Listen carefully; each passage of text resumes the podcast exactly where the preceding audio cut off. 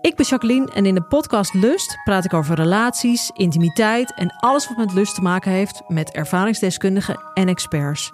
Of je nu in een relatie zit, single bent of iets daartussenin, Lust is de podcast voor jou. Overal te beluisteren, dus ook in jouw favoriete podcast-app.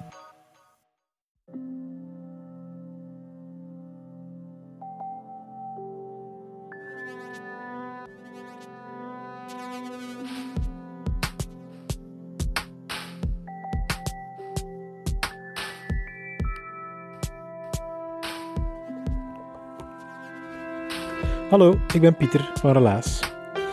In Relaas hoor je waar gebeurde verhalen en die worden verteld door de mensen die ze zelf hebben meegemaakt. Lisbeth vertelt een verhaal over haar studententijd. Meer specifiek over dat deeltje van haar studententijd dat ze in het buitenland heeft doorgebracht. Je weet hoe dat gaat, je komt in een nieuw land, je hebt een beetje nieuwe herwonnen vrijheid, het leven is één grote ontdekkingstocht. En dan moeten er wel grenzen verlegd worden.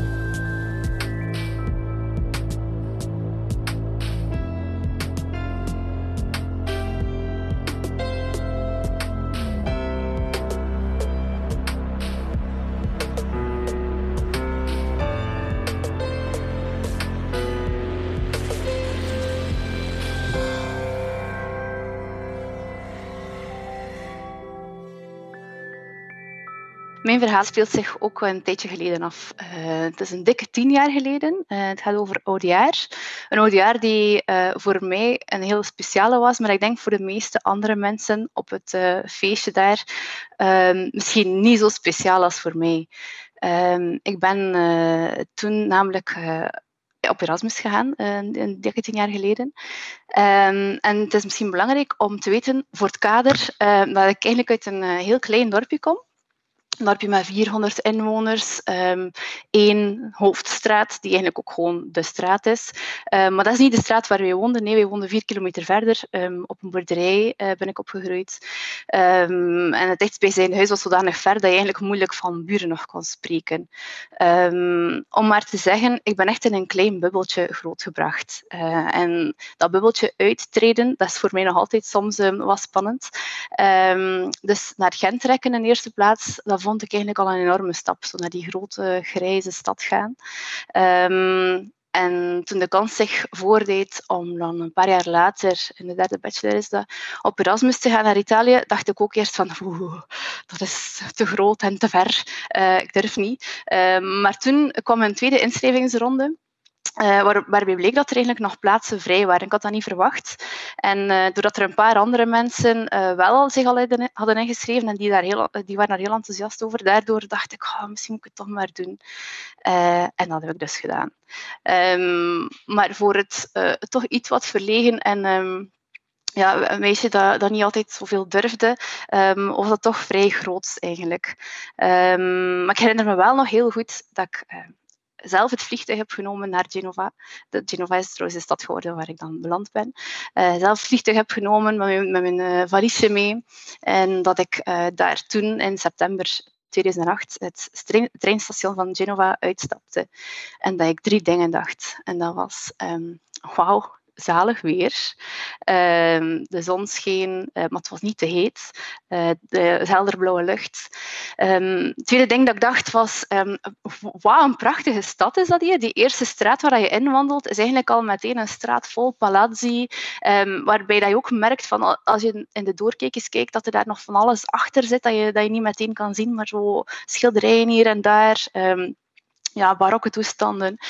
Um, ik vond dat heel verrassend dat weinig mensen toen nog, toen uh, was Ilja Leonard Vijver nog niet zo'n... Uh, woonde daar toen nog niet. Toen was Genova nog niet zo bekend. Ik vond dat vreemd, want het was zo, daar zo schoon. Uh, maar het derde dat ik dacht was, hoe ga ik in godsnaam vrienden maken? Want dat vond ik wel de grootste uitdaging eigenlijk. Al had ik daar wel een plannetje voor. Want in die eerste straat, die Via Balbi, was er ook een palazzo met op de derde verdieping een, een kantoortje. en in dat kantoortje huisde de Gruppo Erasmus di Genova. Um, dat was een groepje van studenten, voor studenten, die op Erasmus gingen. En zij organiseerden feestjes, uiteraard. maar ze zorgden er ook voor dat iedereen een beetje wegwijs raakte in de stad. En dat, die, dat iedereen ook gewoon wist waar je kon zijn voor voor de lessen, um, waar je moest aanmelden, dat soort dingen. Um, ik kreeg daar ook een plannetje uh, en een, een route die ik kon nemen om naar de jeugdherberg te gaan. En dat was wel belangrijk, uh, want iedereen die op Erasmus ging in Genova, die kreeg eigenlijk vijf nachten in de jeugdherberg van de universiteit, die betaalde dat. Um, zodat je tijd had om eigenlijk eigen huisvesting te zoeken. Dat was waarschijnlijk omdat zij zelf niets regelde voor de studenten.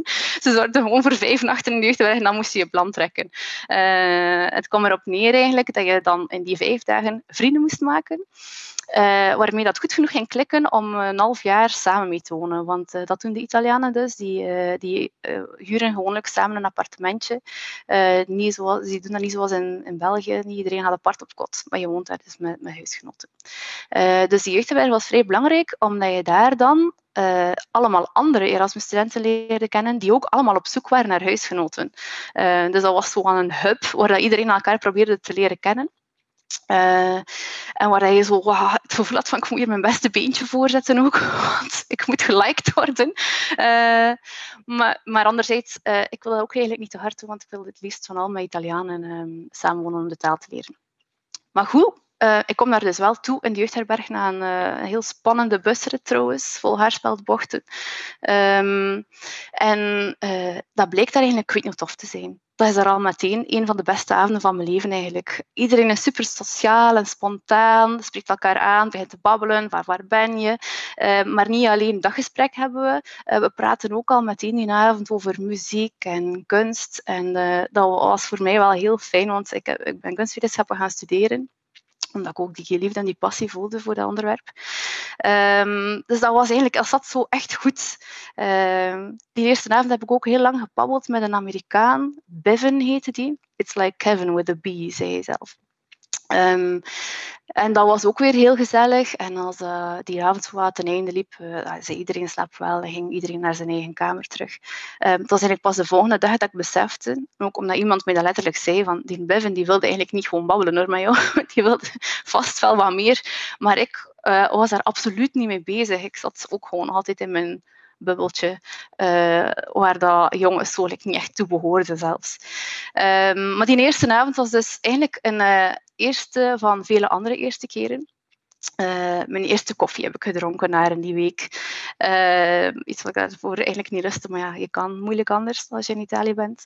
Mijn eerste glaasje wijn, uh, zoete rode wijn. um, maar ook mijn eerste cocktail na een tijdje. En dan mijn eerste keer verschillende glaasjes rode wijn na elkaar. eerste keer een beetje tipsy zijn. De eerste keer gewoon echt super zat worden ook. Um, en dan ook um, mijn eerste gigakater, die heb ik daar ook meegemaakt. Uh, en daarvoor ga ik dan terug naar oudjaar. uh, die avond die voelde een beetje voor mij toen als een, um, een, culminatie van alle emoties en gebeurtenissen die de drie maanden daarvoor um, zich hadden afgespeeld. Um, ik had huisgenoten gevonden, Italianen, ik had geluk gehad. en samen met die mensen hadden we het geniale plan bedacht om uh, gewoon iedereen die we kenden, die ook verbonden was aan die, uh, die groep voor Erasmus-studenten, uh, om die gewoon allemaal uit te nodigen in ons appartement. Um, op ons, in ons palazzo. wij woonden op de vijfde verdieping van dat palazzo, waar dat er ook geen lift was. Dus iedereen ja, kwam daar zo toe met zijn, met zijn flessen drank eigenlijk. Um, en daarvan maakten we een soort sangria. We noemden dat sangria. Dat was eigenlijk geen sangria. Dat was gewoon een combinatie van allemaal soorten alcohol met, met rode wijn als basis. Uh, ik, kan me zelfs niet herinneren dat er daar fruit in zat eigenlijk. Uh, maar bon, uh, wat ik misschien nog wel moet vertellen is dat een van die andere eerste keren ook was um, dat ik voor de eerste keer echt verliefd ben geworden. Zo'n verliefdheid die meer was dan gewoon platonisch verliefd zijn op iemand. Um, maar ik was dus verliefd geworden en nog wel op mijn huisgenoot eigenlijk, om het zo helemaal makkelijk te maken. Die was ook wel wat verliefd, maar dat was meer platonisch. Dus het werd eigenlijk heel gecompliceerd, de eerste drie maanden daar. Ehm, maar uh, ja, om het verhaal verder te zetten, uh, we zijn daar dus allemaal. Um, er komt daar 30, 40, 50, 60 man toe, denk ik. In een appartementje waar je zo moeilijk met drie kon wonen. Dus dat was eigenlijk echt een hele groep, hele groep mensen. En heel veel uh, drank ook. Um, en in het begin gaat dat goed. Ik babbel tegen iedereen. Ik ben zo echt zo de gastvrouw eigenlijk. Een Italiaanse gastvrouw ben ik plots geworden, in plaats van zo de boerdochter. Uh, en ik zei, ciao, kom even En die zijn daar en daar. En uh, ik start overal conversatietjes. Um, en het gaat goed. Tot op het moment dat mijn huisgenoot eventjes verdwijnt en een uur later terugkomt met iemand anders, met zijn nieuwe vlam. Dat was niet zo tof. Um, ja, toen ging het voor mij wat bergafwaarts. die nieuwe vlam van mijn huisgenoot, die heeft mij ook zo zelf eigenlijk een beetje richting um, iemand anders zijn armen uh, geduwd, zal ik maar zeggen. Um, en dat heeft er eigenlijk ook voor gezorgd dat ik niet heel de avond in het appartement heb meegemaakt. Want ik ben rond 12 uur of zo, 10 à 12, uh, na de middernachtkust, uh, meegegaan met die gast. Um, wat ervoor gezorgd heeft, is dat ik niet alles heb ja, dat meegemaakt, zoals ik al zei. Um, wat er wel gebeurde, was dat ik de volgende dag um, terug wandelde naar het appartement en dat ik al meteen merkte, dat is hier, dat is hier helemaal uit de hand gelopen. Um, zoals ik al zei, we wonen helemaal van boven op vijfde verdiep van de palazzo. er waren daar mensen blijkbaar ja, zat, maar ook echt ziek geworden. en die hadden daar dan niet beter op bedacht dan vanuit het raam over te geven. Uh, naar beneden toe. Uh, je moet ook weten, in Italië hangen de mensen, dat was eigenlijk gewoon buitenuit zo. Dat is een heel, heel uh, typisch systeempje. Um, onze onderburen waren geweldig kwaad. Ik, eigenlijk wilde ik nog maar binnen wandelen in het palazzo en er werd al van boven naar, naar, mij geroepen, van boven of van op het vierde verdiep. Maar wat hebben jullie allemaal uit stoken van achter? En ik, maar ik weet van niks. um, die waren dus inderdaad helemaal niet blij. Maar toen moest ik dus nog naar boven komen en uh, ik deed de deur open van ons appartement en dat was gewoon, dat was echt een zwijnenstal. Um, de vloer was letterlijk bezaaid met afval, met bekertjes, bordjes, maar etensresten ook, kleren, ik weet niet wat er daar allemaal lag. Um, onze badkamer, ja, die ging open en toe met een schuifdeur, maar die schuifdeur ja, die werkte gewoon niet meer, die ging helemaal uit de hengsels. Ons toilet was ook kapot. Um, en daarmee bedoel ik niet, het water liep, niet meer goed door, maar ik bedoel daarmee letterlijk, het toilet was kapot, het meubel was, in, was oh, half in, in, barsten en in stukken, er stukken af. Um, ons douchegordijn ging er ook niet meer aan. Achteraf heb ik ook um, gehoord van een vriendin, uh, allee, ze was eigenlijk, uh, ze belde mij de dag erna ook, um, ja Lisbeth, ik wel een gênante vraag, maar um, het zou kunnen dat ik zwanger ben. Ik herinner me gelijk zoiets, maar ik weet niet van wie. Weet hij, heb jij toevallig iets gezien?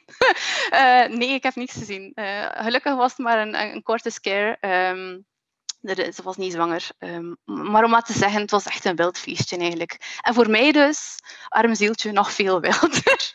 um, ja, uiteindelijk hebben uh, mijn huisgenoot en ik al die rommel opgeruimd dan een loodgieter gebeld, de dag erna ook, want op 1 januari was hij niet beschikbaar natuurlijk. En hebben we uh, beslist om samen een wandeling te maken in de stad, om ons hoofd een beetje leeg te maken. Uh, en zijn we door alle prachtige Genovese vicoli gaan wandelen. Het was weer een heldere dag. Er was een zacht vindje, herinner ik me nog. En we zijn naar ons um, favoriete cafeetje gewandeld. Um, een ponton eigenlijk, op het water, op de zee. Uh, want Genova ligt aan de zee, tussen de zee en de bergen. We hebben daar een cappuccino besteld en uh, geprobeerd om ons ja, terug een beetje tot zinnen te, te laten komen. En uh, ik weet nog dat ik toen dacht, dit was de laatste keer dat ik tequila dronk.